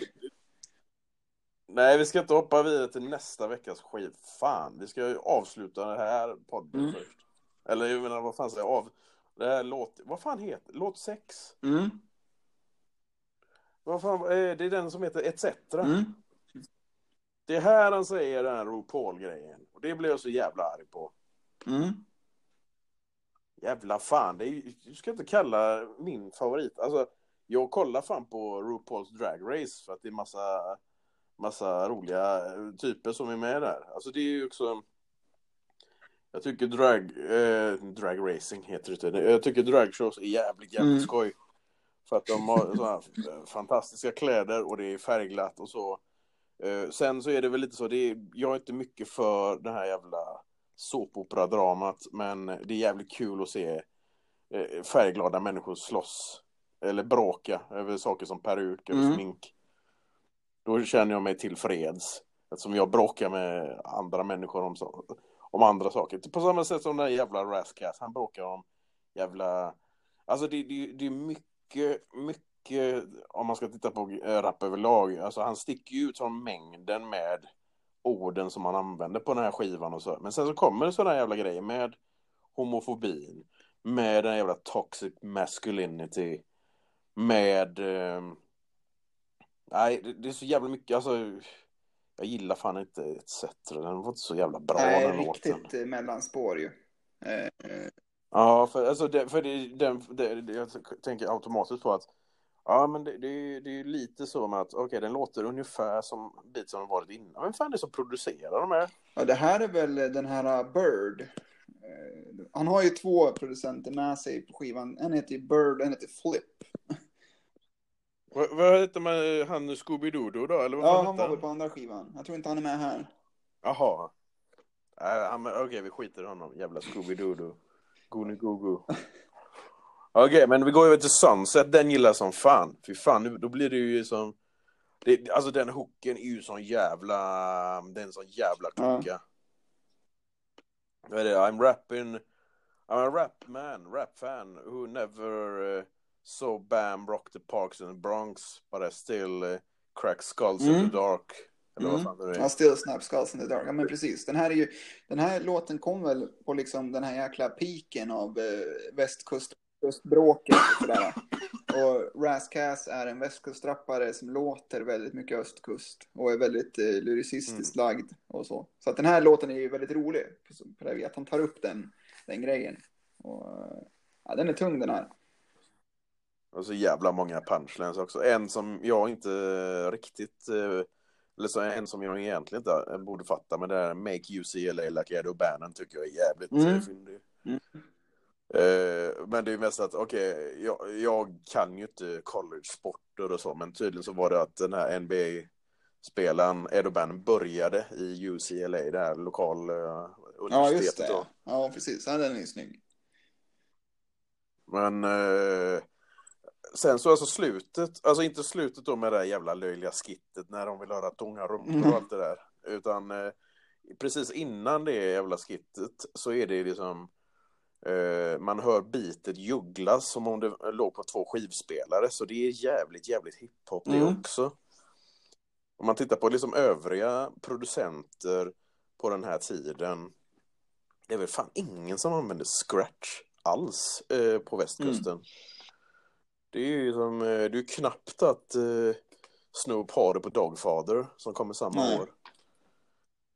Eh, nu minns inte jag när vi pratade om Dogfather. Det var väl fan ett år sedan i och för sig. Men eh, det var väl de scratchar in More Bounce and a Ounce när May säger det. Och det var ju liksom Bad Boy sampling på en Defo-skiva. Precis. Men eh, i alla fall, jag tyckte det var jävligt, det var jävligt rapp att höra det. Det, är, det är någon referens till Eric B. Rakim på den här låten också, men det, det är väldigt mycket New York. Den är väldigt New York-centrerad. Och jag tycker det är jävligt ball. Rasmus Mm. Gamp. Ja, ska, han säger en grej som jag ska försöka implementera i mitt vardagsliv och gå runt och säga. Och det är den här när han säger I'm the motherfucker. Problematiskt. 300. Protein! Det finns faktiskt en Eh, sån, eh, det finns faktiskt en sån grej på den här skivan också när han säger någonting med eh, Fuck the world with an AIDS infected dildo. Och så har man en overdub som säger Doggy style. Ja, just det. Den tyckte jag var jävligt... Jag bara tänkte så... Den fick mig att tänka. eh, därför, nej, men alltså, jag blev verkligen så... Alltså, vad syftar han på Snoop på något jävla vänster Mm, är där? möjligt. Eller är det bara liksom att han... Är det bara liksom att han bara, nej men det är bara liksom bara fuck the world, men så bara doggy Mm. style. Så vill jag knulla Med världen. en AIDS-infekterad dildo. Eh, nej men han säger också I'm the motherfucking man like eh, Homo erectus. Den tyckte jag var lite skojig. Ja, den, är, den var Mm. rolig, ja. Just det, den var faktiskt väldigt... Den fick mig också tänka på så, liksom att motherfucking man, om det är en ordlek på att det är motherfucking, eller jag menar, Homo erectus är ju precis innan Homo sapiens, så jag menar det är ju, det är väl de, de blivit människa, men, eller är det då att han, han ser sig som att han tillhör apstadiet? Eller vad fan är det med honom? Felsyftningskungen. Ja, fy fan. Men eh, ja, det här är ju lite roligare sätt att eh, visa New York vart skåpet ska stå jämfört med att sparka ner eh, hus i en video kanske. Fast det är också ganska roligt. Ja, ja, det tyckte, det tyckte jag var svinroligt ändå. Jag har fortfarande hört, jo, jag har hört den låten någon gång. Mm. Eh, ja, ska vi se här. Vidare. Nu kommer ju faktiskt skivans enda gäst. Inte mig emot. Jag var fan inte beredd. Coolio. Tack så mycket. Men Johannes föredrar. um, Coolio som under den här tiden har släppt två skivor. Mm. Uh, It takes a thief heter väl den ena skivan och så är det uh, Gangsters Paradise som blev en gigantisk hit året innan den här Mm. släpptes. Och eh, jag tror att det är med tredje skivan, att tredje skivan heter My Soul och den kom 97 och det är väl den som har See You When You Get There och Ja, ja. de här. Mm. Så jag menar han hade liksom en trealbums eh, svit som bara var riktigt unfuckwittable och han spelade på sådär okej dagen och liksom turnerade runt hela världen. Mm. Och sen bara försvann han. Han gick ner i ett jävla drogmissbruk. Och nu har han någon jävla um, matlagningsprogram i Japan eller vad fan Mm. det nu är. Men eh, under den här tiden så, alltså Coolio han tillhörde ju eh, Mad Circle, eh, Dub C's eh, Mm. gäng. Så att, eh, ja, det var en ganska, det var en ganska celeber gäst att ha så här eh, post Gangsters Paradise på låten Drama. Och Ja. Ja, jag tycker, jag tycker han, är, han gör jävligt bra ifrån sig faktiskt. För att det här är, det här är lite av den, det här, det här är den riktiga Coolio, inte den som man hörde på sådär One, Two, Three, Four och eh, Fantastic Voyage och alla de här, eh, vad ska man säga, pophitsen Mm. och så. Så att, eh, fan alltså, jag har ändå eh, båda hans, eh, eller första och andra. Det är, det är faktiskt jävligt bra visst, skivor. gjorde väl, visst hade väl Coolio någon sån här Crowbar Entertainment imprint också, där Raz Kass var signad tror jag. Också. Ja, Alltså? jag det. Ja. Crowbar Entertainment, men det låter ju jävligt eh, positivt får jag ja, säga. Det är jävligt kul också på den här låten att eh, Raz Kass nämner eh, att hans favoritlåt någonsin är Mob Deeps eh, Hit It From The Back från deras första Juvenile Hell-skiva. Doggy style. Eh, så, ja, jag tycker ju inte att eh, Coolio är så bra. Jag gillar ju Coolio mer hur han är på en, två, tre, fyra. Eller vad sa du? Nej, inte på den, utan jag tänker på den här Panthers. Eller Panther. Där tycker jag Coolio är som bäst. Ja, men där, är, där har du första Ja. albumet, Coolio. Så han är det, fan vad bra han är på a Thieves, eh, Suppy New och Ja. alla de här. Precis, jag, jag tycker Coolio, Coolio känns ju idag som en väldigt okreddig rappare i historien. Men fan, Mm. han gjorde bra grejer tycker jag också. Men det är just att eh, bara kolla på en, en sån här grej med att han är med på den här skivan samtidigt som han eh, men, gör låtar som The Points eh, så, på den jävla. Panther-soundtracket. Och så liksom typ Space Jam-soundtracket. Och liksom eh, ut och turnera med Cypress Hill av alla. Det är ju så jävla märkligt. Jag menar, i Fantastic Voyage-videon så sitter ju Beryl bredvid honom i den här jävla lowridern och de åker runt och bara on, fantastic slide, slide, slip it, slide right Mm. och så vidare. Um, undrar vad fan som hände med den jävla låten han och Infinite Mass spelade in. Ja, det är Aha, konstigt. Ja, det är ingen aning om. Ja. Nej men det är också, det är så jävla mycket, han har gjort så jävla mycket men det enda folk kommer ihåg är liksom Gangsters Paradise och uh, ja, folk har väl glömt av att han var med i Daredevil, långfilmen med Ben Affleck Aha, också. just det. Ja, fy fan. Och, och ja, Batman och Robin från 97 också för den delen. Nice. Ja, men eh, ja, det här är Men det här känns ju som en sån där, jag menar, här har vi ju Ja, slutshaming verkligen. på den här låten. Och det här är, det här är så jävla um, cool och du har fan ingen rätt att säga så om kvinnor när du är sjubarnsförälder. Han, ja, jag tror han var fembarnsförälder vid den här Mm. tidpunkten. Nej. Jävla, fan, hans jävla dick, de, de bara smiter iväg från byxorna på samma sätt som eh, min, mina testiklar hänger från de här jävla kallingarna just nu. Alltså jag, jag kom ju direkt från duschen när vi skulle spela in och så tog jag på mig de minsta jävla kallingarna jag hittade tydligen. Så det, är så, det, ser ut som en, det ser ut som en hamster som fastnat i en vattenballong i stort sett. Och får springa iväg här. Vad, vad fan var vi? Jo, men det var låt nummer åtta. Eh, Ja, jag satte faktiskt en stjärna på den. Den och Sunset har Är det okej? Två första stjärnorna eller? Shit. Ja.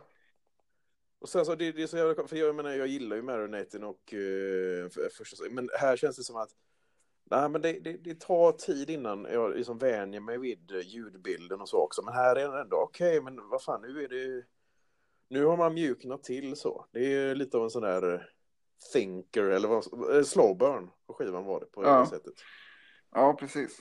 Ehm, ja, Men det är också, alltså, det, det är också att här så låter det också... Här låter det också mer konventionellt så som jag är van vid att rap ska låta. Just med att... Eh, jag menar, vad fan, jag uppskattar ju liksom Marinaten och sådär, men eh, Nature of the Threat tyckte jag var, den är så jävla extrem, Mm. den jävla låten. Så att jag menar, det är väl också att det, jag är jävligt svårt att ta in eh, det materialet. Men det är också det att jag är så jävla kritisk till det som sägs Mm. också. Jag menar, det är mycket av det som man säger som fa- faktiskt stämmer in, men det är mycket jävla Mm. mygel. Men nu ska vi fan inte snacka om eh, den jävla skiten som vi pratade om för en halvtimme sedan. Vi ska gå vidare till låt nummer nio. nu snackar vi. Alltså, det här är ju den bästa. Jag har snackat hela tiden, vad fan Det pratar här du är den bästa låten på skivan tycker jag. Det här är liksom. Ja, ja, den är tight som fan. För här, här är också, här är också en av, de här, en av mina favoritdelar eh, delar av hiphop Mm. också. Jag menar, en sak med budskap som en fan berätta en bra story. Då, då, det räcker Ja. ju nästan. Vad fan, det är ju därför jag liksom uppskattar en jävel som, varför, varför jag fortsätter lyssna på Cage i alla år. Varför jag liksom typ sätter Pheromones så jävla Ja. högt.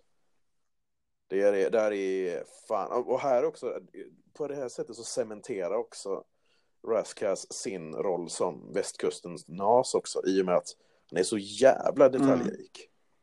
Verkligen. Och, ehm, ja, nej men det är ju en sån fruktansvärd, det är ju liksom, eh, s- vad fan heter konceptet? Det är Circle of Violence, eller sp- Downward Spiral of vi- Violence. Ja, heter det. jo. Något sånt kan man ju säga att det här handlar om. Och det är ju som eh, har det knapet och eh, klanta till det, åka in, bli förälder. Och så eh, kommer polisen och det är, springs från polisen igen och igen och det går åt helvete och det är bilolycka och fan hans mormor. I nästa avsnitt av Rascass så kommer inte, eh, jag vet fan om det, det blir ju ingen fortsättning på den här låten. Mm. den delen. Nej, precis. Nej, men fan, det är så mycket han tar upp här med, med dels från barndomen och med eh, liksom eh, alkoholism inom familjen och, och, och också så här ganska insiktsfulla, eller väldigt insiktsfulla grejer från ett barnperspektiv med att han ser hur att han, han vet att hans mormor och morfar brukade, eller hans mor eller farföräldrar, vilka vad det nu är här, som att de även, alltså att det har funnits våld inom relationen men eh, tidigare, men att, och att spåren finns kvar och sådär. Och han pratar om sin bakgrund med att han skäms för sin, för sin hudfärg och, och det här med att han också har en, en delvis fransk bakgrund. Eh, alltså, Ja, kreolköret ja, precis. Och sådär. Och, Men är, alltså, är, den så? Är den... Eh, jag tror att den var väldigt fri, så- berättade. Alltså, är den Ja, jag försökte ta reda på det där också faktiskt och så, för att han pratar ju också längre fram här om att han gör en sån här drunk driving och, och, och kör ihjäl en person eller indirekt. Det är väl dråp han åker in för. Ja, involuntary manslaughter. Ja, precis. Och sådär. Och som jag har förstått det, jag är lite osäker på hur sann den är. Men, men eh, i de, de klipp och så jag har sett när han har pratat om den så, så, så verkar den väldigt självbiografisk. Han kanske håller medvetet vagt också. Det vad fan är det? Matthew Broderick och Laura Bush. Det är många som har kört Ja, ihjäl folk. men precis. Så, Honey Navigators. Han rapparen. Han som sitter Ja, i okej. USA nu. ja. Han gjorde en låt med Petter från fängelset. Ja, ja. Det kom för några år sedan. Den kan du kolla Ja, upp. Istället för att lyssna på Ska det som Rask. var Petter? Ja, lyssna på Petter och ja, han, Han som sitter på livstid, vad fan han heter. Ja, det är ganska, ganska intressant. De skriver brev till varandra. Det är en jävligt ball Mm. låt. Men, men, men, det var inte det vi skulle prata om. Eh, så, eh, som sagt, fan, jag, hade, jag satte en stjärna på den jävla... um, Vad fan hette den? Vad fan heter låten? Eh, the evil that men do. The Evil Men Do. Snygg såklart. refräng också den där med Ja. Every n-word on my block, can't stop, won't stop. Och så vidare. Every vad? Uh, you heard me. Every are you heard me on my block. Jävla, det är så jävla sitcom det, det, som, det som också är intressant med Razzcast, eller som, man, som åtminstone jag reagerar på, är ju att han kan bli så jävla grov väldigt fort, som vers två där med när han säger någonting sånt här, by the time I hit adolescence I found hair on my nuts I grew 12 inches so now, inches, so now it's time to fuck sluts. Och det är liksom riktigt så här, alltså, att han, det är så han målar, att, alltså könsmogenhet väljer han att beskriva på det här viset. Det är, ja. Ja men det är därför jag blev, blev eh, så jävla liksom, bara, är det här verkligen självgjort? För det känns ju mer som att han beskriver den unge svarta mannen, jag menar stereotypen så, men att eh, ah, det är fruktansvärt. Alltså jag, jag vet inte om jag ska kalla det för självbiografisk eh, steg över tröskeln. eh, eller om jag ska kalla det för liksom, nej men det är en, det är en som, en typisk, vad ska man säga, en typisk eh, chronicle av den svarta unga mannens liv i västkusten och liksom i amerikanska slummen om man säger Mm. så. Men å andra sidan, alltså, han är ju inte, han är ju inte den, eh, han är inte den mest framgångsrika, men han är inte heller den mest misslyckade. Men han är ju stark liksom. Jag menar, annars hade inte vi suttit så här flera år efter och lyssnat på honom. Och han spelar fortfarande in skivor, han spelar fortfarande in med flera artister. Han är med i en av de tyngsta jävla supergrupperna som någonsin existerat. Ehm, men Uh, ja just det, vad fan, det är väl, kommer inte den jävla låtjäveln nu? Ja just det, Skön Sunset, och Drama, uh, Evil That Men Do, och så är det If och den. En Robin Larsson-klassiker. Ska vi se. Eh, spår 10 menar du eller? Jajamän, här har vi, här har vi en som du refererar till. Nå- Ja, eh, just det. Ja, och den här jäveln har ju hans eh, rebuttal till eh, Dre-låten. Ja, Mhm. den är jag stolt över. Och alltså, nej för fan. Det, är- jag tycker det är en fantastisk jävla låt. Ehm, men det är också att här visar han också hur jävla elak han kan vara. Ja, Det här kill, I'm a California B-boy, you're one of Heavy D's boys. Eh, make you fall off the stage like Trouble T-Roy. Mm. Och det var ju det, Trouble T-Roy, det var ju att han, han ramlade av scenen och bröt nacken. Eh, Trouble T-Roy var ju då backup-dansare för, en av, för Heavy D. Han var ju en av boysen i Heavy D. Jävlar, Boys. ja det är fan oschysst. Och eh, det var ju då um, Trouble T-Roys kusin um, CL Smooth gjorde en hyllningslåt som heter They Reminisce of You. T-R-O-I. Just det. Och den är ju... Den är också en sån jävla hiphop-klassiker, men det är bara att det här måste ju fått, eh, fått eh, Kino Excel att reagera, för det där är ju så jävla... Det är så jävla elak punchline att eh, han bara, fy fan, vem är den här jäveln? Och jag menar, Kino Excel och eh, Raskas är jävligt, jävligt bra polare. Och de delar ju faktiskt, eh, vet du det? De, ehm, eh, de delar ju faktiskt ehm, medlemskap i Horsemen tillsammans. Mm. Ehm, jag antar att det var det som fick eh, Raskas eh, att eh, faktiskt få in, en inbjudan till att gästa Raska, eller Kina Excels skiva eh, som kom året efter. Eller när fan kom inte den samma år? När fan kom denna? Den, denna kom Mm. 96 va? Okej, men vad fan, jag tror Kina Excel också kom 96. Mm. Jävlar om vi skulle köra Kino Excel eh, när jag fyller. Yeah. Fan alltså den eh, Here to Save You All är så jävla Den är så jävla elak den Mm. skivan det, Vad fan är det? Det är så hemligt spår Det var det typ från låt nummer, ja den slutar sådär 18 Sen så går det ju som tystnad genom hela Och sen spår 60, då är det bara massa O.J. Simpson-skämt. Men vad fan hände där? Ja, shit. Eh, ja, precis.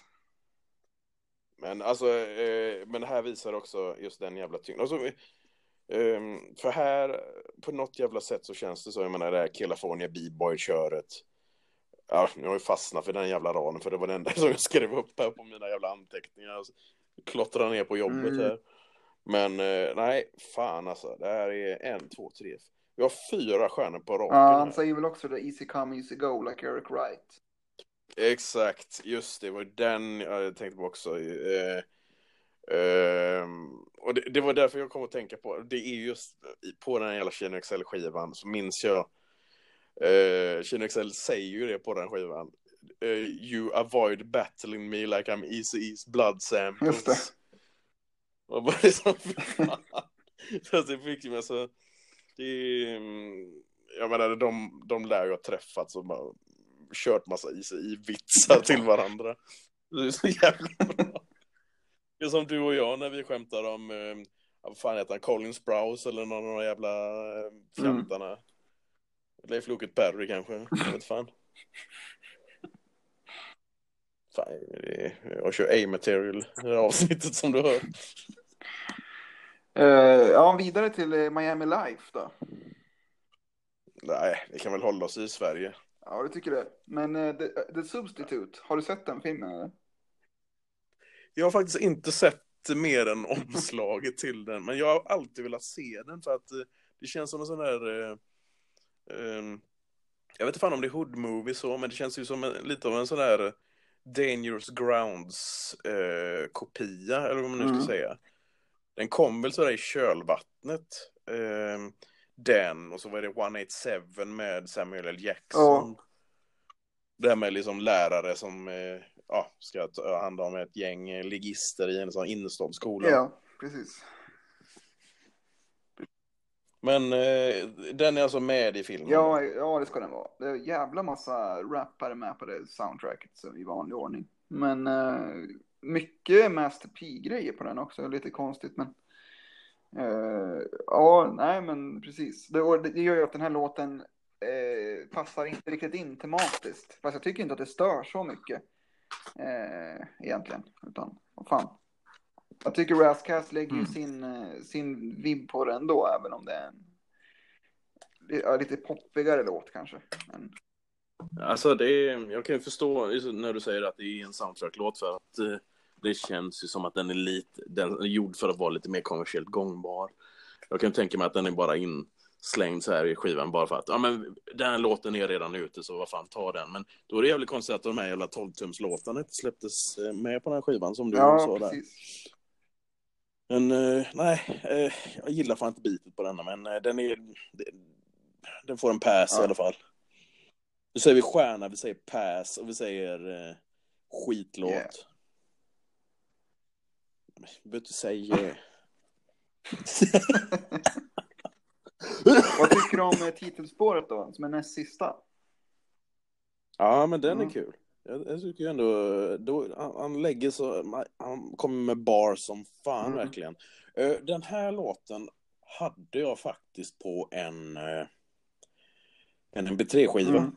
Eh, Jag hade sådär 105 spår, eller ja, 105 MP3 och så gick jag och lyssnade på den. Och sen då och då så dök just den här låten. Jag, jag misstänker att jag någon gång i tiden ska ha försökt eh, ladda ner Soul on Ice bara för att få lyssna på den. Och så fick jag ner den här låten som ändå är spår 12, jävligt märkligt. Men, eh, nej, men den, här kände, den här hade jag hört Mm. innan. Ja. ja, men precis. Han, eh, ja jävlar man, han, han nämner, han, nämner, han nämner ju Ice, Ice Cube, han nämner, eh, han säger någonting med smoke like a chimney, drink like a Kennedy och pratar om Ja just det, det var snyggt. Det, det kommer jag ihåg. Det är Ja, jävligt fett. precis. Och han pratar om, eh, ja. mm, Sen är det också, han refererar till Bernie Mac, det där klassiska vad är det, i eh, Def Comedy Jam, när det var det var någon sån jävla, det höll på att bli upplopp eller vad fan det var, de slog ner komiker på scenen och sen gick ju Bernie Mac upp och fick alla att garva när han bara öppnade och sa I ain't scared of none of your son bitch, eller none of your motherfuckers. Eh, jag, jag, har för mig att han citerade, men det är väl också, ja, men det är väl precis i tiden. Jag tror att Bernie Mac sa det i 95 eller något Ja, sånt. Men, eh, nej men det, jag tycker, vill jag ge den en stjärna är ändå frågan. För det känns ju som att de låtarna som är gett stjärnor har stuckit ut. Alltså den är ju, den är ju jävligt, nä, eh, den är ju nästan besläktad med Sunset på något sätt. Eh, eh, så, jo men jag, jag får ge den en stjärna då Mm. också. Fett. Jo, men det är väl lika bra. För fan, den får Ja. det. Precis. Ja men grymt. Ja men det tycker jag den är värd. Definitivt. Eh, då är det bara ett spår kvar då. Då är det ju den här uh, order, ja hur, nu har vi order, Nej, nej, nej, det är du, du kör den. Jag kan fan inte. eh, Du, du, det är du som läst spanska ja, jag har läst tyska alltså. Det är inte riktigt. Det blir sam, tyska, spanska. Det är same shit different toilet. Kom igen nu. Akao, kakao. Akukububu. jungle music. Ratatatatatatatata. Sex jag säger bla bla bla. Producerad av Voodoo också. Voodoo har väl ändå proddat eh, ganska många Ja. spår på den här skivan. Ja. Ja, men den här är också, jag tycker den här är skittung också. Den här är ju liksom eh, jävligt bra början och slut på den här skivan. Och den här avslutar ju då med, på ett jävligt eh, bra sätt tycker jag. Och det är liksom lite, det är som en blandning mellan, dels är den ju politisk och en ganska så här eh, paranoid synvinkel mot världen. Men även också självbiografisk med att han försöker liksom navigera genom livet på något sätt, men får inte ihop bitarna, eller vad man ska säga. Alltså det, det känns ju som, om man kollar på när vi, och det var ju väldigt många år sedan, eller, ja men det är ju fan, det är ju i alla fall mer än ett år sedan. När vi snackade om, eh, vad fan var det, MC Rens Kiss My Black Ass Mm. hette den va? Och så snackade vi också om Shock of the Hour i samma avsnitt. Och liksom vilka jävla nivåskillnader det var. Dels underhållningsvärde och dels på textinnehåll. precis. Här har vi ändå liksom en skiva där han eh, ändå kan presentera båda sidor av myntet om man säger så. Du får liksom, du får väldigt mycket mörker. Eh, men dels det självbiografiska, dels bragging rights, dels det här med liksom det samhällskritiska. Mm. Och jag tycker att det är, i sin helhet så blir det ändå, det, det, den här skivan var bra mycket roligare att lyssna på än Shock of the Hour. Sen så är det förstås att jag är fortfarande eh, ganska kritisk till liksom det eh, jag menar, Nature of the Threat-snacket eh, där. Så det är, det är ju en hel del sånt på sista spåret också tycker jag. Det där med snacka om fake news och politics-köret. Det är, det är lite sådär standard anti-auktoritär rap, liksom slå från un, underifrån mm-hmm köret. Ja, och sen pratar, ju, pratar han ju också om, dels, det, det återkommer han till det här med Jeffrey Dahmer och att eh, kannibalism och att det ska ligga i den vita djävulens natur på något sätt. Och eh, han, eh, han, han pratar ju dels om det i Nature of the Threat då. S- säger han det i... eh, Vi har snackat om Jeffrey Dahmer två... Vad fan? Var det på den låten vi snackade om förut? Ja, jag tror det. Ja, jo, men det, det. Nej, nej, vänta, vad fan, nu, just det, skit i det. Okej, jag kom på. Uh, men, uh, nej, det, jag tycker ändå det är som att det är... Raskass är fan ingen dålig MC och det här är en sån skiva som fler människor borde höra. Uh, sen så får de ju ta det för vad det är så med låtar som Spår 5 och liksom den här avslutande. Men fan, majoriteten av det är liksom en sån jävla... Det är en sån där bortglömd b-boy-klassiker på samma sätt som, jag menar vad fan, eh, Mad Skills eh, From Where, den är ju så jävla bortglömd den Mm. skivan. Eh, jag menar King T's skivor, Ice-T, folk nämner aldrig Ice-T när det snackas om eh, lyricism. Nej, så jävla tråkigt alltså att det är så. Eh, vad fan finns det mer för rappare man kan glömma av? Ja, men det är... Men här är ju, det här är ju en sån jävel som verkligen blivit, han blivit knullad av systemet Mm. verkligen. Det är ju, jag menar han släppte ju den här Assassination 98. Mm.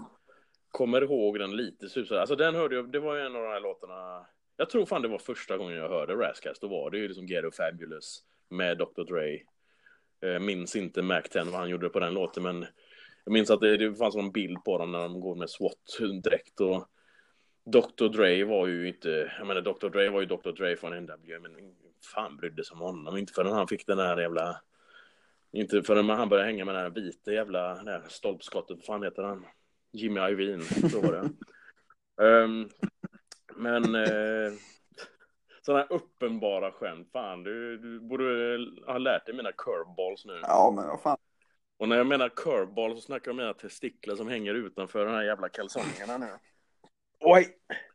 Det där var en jävla takeback. Mm. Callback heter det förresten. Ja. Så nu har du... Vad tycker du om den här skivan i vuxen ålder? Jo, men jag, jag står fast vid att det är en eh, jävligt tung skiva. Sen så har bristerna blivit mer uppenbara med åren, får jag säga ändå. Alltså så här att det finns ändå Mm. ganska mycket mellanspår och material som inte riktigt håller. Jag tyckte ju Nature of the Threat, jag var ju en av de 16-åringarna som tyckte den var asball när jag hörde den första gången liksom. Men eh, det... Skäms du Jo, men nej, alltså. kanske borde, men, men jag tycker ändå att det var, det hörde den tiden till lite grann. Så är vi på ålderns höst nu när du fyllt 29. Ja, precis. Fan. Nej, men jag tycker fortfarande att den, att den, att den håller. Och det är synd att Razzcast inte fick. Hans karriär påminner ju också. Jag tycker att han jag tänkte på bortglömda rappare så Keith Murray och han är ju också ganska lika. I det att de inte Mm. riktigt. Alltså de skulle ha behövt, behövt någon som hjälpte dem lite att forma. Och inte någon sån här korkad A&R som inte begriper musiken. Utan någon som liksom ändå kunde coacha dem åt rätt håll. Och jag kan tänka mig att de var lite sina egna största fiender också. Att de kanske sabbade lite. De hade liksom den här lite, jag kan tänka mig att Razzcast var ganska, mm, vad, vad är det man säger, tjock, eh, inte tjockskallig, men alltså så här thickheaded. Ja, Tjurskallig. tjurskallig kanske med sin karriär och Också vattenskalle. så att.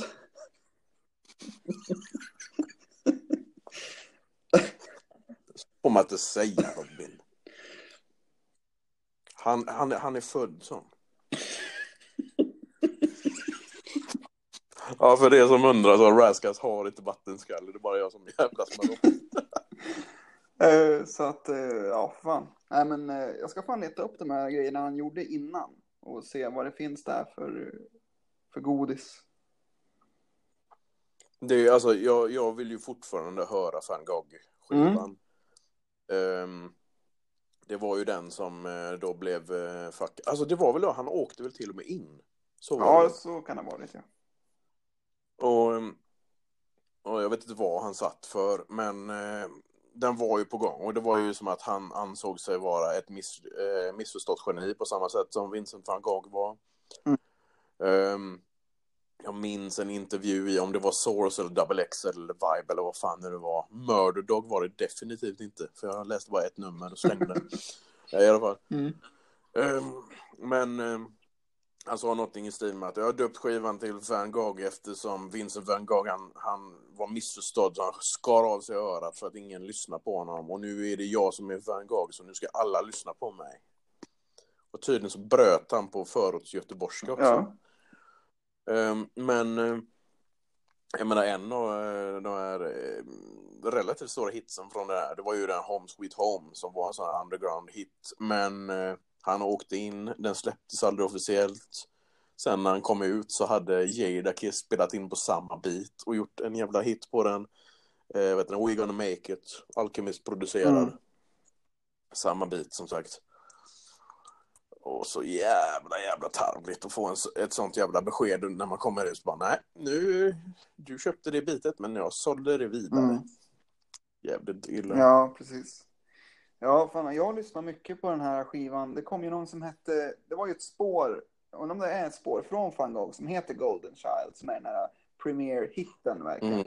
Mm. Eh, Ja, och just, sen kom det ju någon sån här inofficiellt släpp som hette just Golden Child, där det finns lite eh, spår, Pharaoh Munch är med på något spår där och Jelly Roll, Exhibit och Nate Dogg med. Och sen finns det en låt som heter Kiss of Death som jag lyssnar jävligt mycket på också.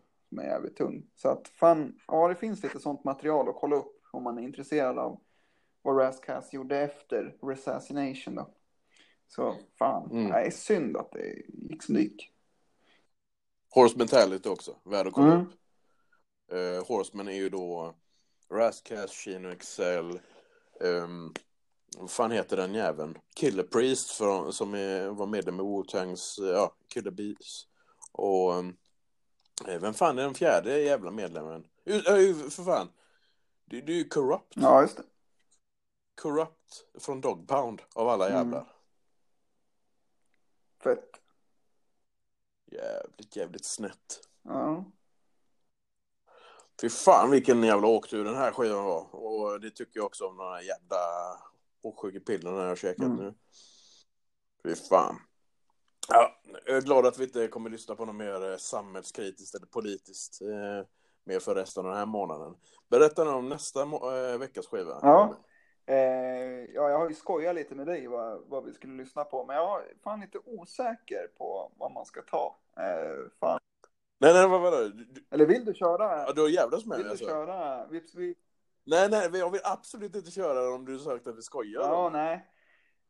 nej, men vi kan köra om du vill. Eh, ja. Det här, är, det här är, för er som lyssnar, det här är så, det är så här sex with consent låter i sängen när par pratar om det. Hur fan, vi kan göra det om du tycker det. Jag kan göra det om du vill. Jävla... ja, men Nej men, eh, ja. ja. Jag vet inte säga namnet på skivan som du föreslagit. Eh, bara så. Men säger du namn på skiva för nästa vecka? ja, antingen är det om vi ska köra den skivan, eller om vi ska Mm. köra en annan. Eh, ja, nej, men jag har ju skämtat lite med dig på vi borde- om vi skulle köra en Dead Press-skiva, då bör det ju bli den första skivan. Eh, men sen är det, jag vet inte, hur intressant den är att prata om. Det är väl lite där jag velar i, liksom. Eh, den är ju intressant bitvis, men Nej, men eh, alltså det, det, är ju- det är ju spontana, som att okej, vi kommer tycka det är jättekul med Day Schools. Ehm, att Kanye producerade låten hiphop från första början, alltså den som inte är hitten utan originalbitet. Mm. Och sen så bara liksom ja, Mindsex kommer jag ju ägna nio minuter åt att bara raljera över. ja. Och du kommer ju haka på, du också. Mm. Alltså det finns ju så många jävla som älskar Dead Press. Mm. Så jag, jag kommer ju få minst 500, nej just det, vi har ju fan inte ens fem lyssnare. Jag kommer få minst fem fiender efter det avsnittet. vilken, var, vilken var ditt alternativ till eh, Let's Ja, men jag tyckte ju också att det skulle vara jävligt kul att lyssna på en 50 Cent skiva. Och då stod ju med antingen då om man ska köra den här skivan han gjorde som den med Trackmasters, alltså den, hans debut på, innan han slog igenom, eller om man ska ta då, alltså genombrottet med Get Rich. Eh, vore ju också faktiskt jävligt roligt att lyssna på. Så eh, vad tror du? Om de alternativen. Vilka tänker du på då? Vänta, är det Power of the Dollar Ja, Power of the Dollar eller, eller Get Rich då. Någon av dem. Jävlar alltså, finns Power of the Dollar ute? Ja, men den går ändå liksom att få tag på. Oh my fucking god, jag hitt... Alltså jag gick in på... ehm, Jag gick in på Audiomac. Jag hittade den direkt. Mm. Är det låtarna som är med på den här skivan? Ja. Konen borde... Jag kommer ihåg när den släppte. Det är ju mixtape. Lives on the line, det är, det en classic. Mm. Det är en gangster, ja. As the World Turns var ute, ja. Ghetto Koran är en klassiker. Ja. Ganska roliga gäster också där. Så. Ja, eh, men de vill jag inte prata om. Eh, Fögla... Vad är det här för låt? Materialgirl? Det här låter ju svinroligt. You ain't no gangster, Materialgirl, I'm a hustler och då, I'm a how to rob. How to rob? Are you gangster? No, I have to rob. Jag är så jävla täppt i näsan nu så det finns fan inte. Mm. Du håller med? Ja, men Mm. tack. nej, men vad fan, nej, vet du vad? Ehm, jag är nästan inne på... För vi har ju diskuterat lite om att köra en sån 50 Cent eh, retrospektiv. Mm. Jag tror nästan vi, vi måste tillbaka till östkusten inom kort och köra en... Eh, ja, jag, jag, alltså nu när jag vet att Powers of Dollar finns och Get Rich or Die Trying finns. Vi kör dem hos Massacre när det är en jävligt kort, eh, eller vad fan, vi kan köra skivan som är efter Massacre eller eventuellt bara kör Beg for Mercy. Ja, ja, alltså lätt. Det, det kan man göra. Gud vilken fan han visar sig vara nu Robin. Nej, man sket i byxorna också, det gillar vi. Vad var du på dig Robin? Sket i byxorna, det gillar vi. Ja, fan. Nice. Fan, jag måste ringa mitt jävla överfall nu så att jag kommer. Ja, ja. Ja, men, eh, eh, men eh, hur ska vi göra då? då? Ska, vi, ska vi ditcha Dead Press och så får jag komma med ett alternativ via eh, sms? Så kan vi låta det vara. Nej men vet du vad, vi sätter oss nu offline och pratar om Rhyme. Eller vad fan säger Alltså är jag helt jävla tappad? Nej, jag, jag tror jag är seg i huvudet. Nej. Det var sista gången jag tog, tog Tylenol. Som jag fått av min kompis från USA. Um, men... Um, nej, men vi, vi diskuterade, men nästa vecka spelar roll, vad fan. Vi har ett gäng lyssnare där ute. Tack som fan för att ni lyssnar på det här och att ni står ut med både, både Robins eh, vaniljsmak och min, min rasism. Eh, eh, hälsa gärna om, om ni ser alias Robin på Instagram. Gratulera honom och så får ni säga till mig också att jag ska skicka den jävla hans jävla present också. För jag har ju, jag har ju två presenter till den. Ja! Var den ena, var den ena är lite svår att slå in för att den kanske slak. Nej, fan skit.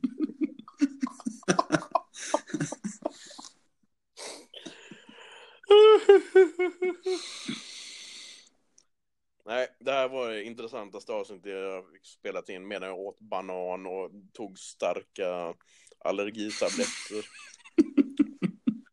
uh, nu ska jag ta och klämma den här bananen. Och sen ska jag lägga undan den och så ska jag fixa till uh, lite städ här hemma. Och sen så återkommer jag och då ska du ha haft en skiva förberedd. Mm. Yes. För du, alltså jag kom på en annan sak, men jag kan ju hota dig alltså, kör vi Dead Press mm. nästa vecka. Då kommer du få en månad native tongues i Aj. juni.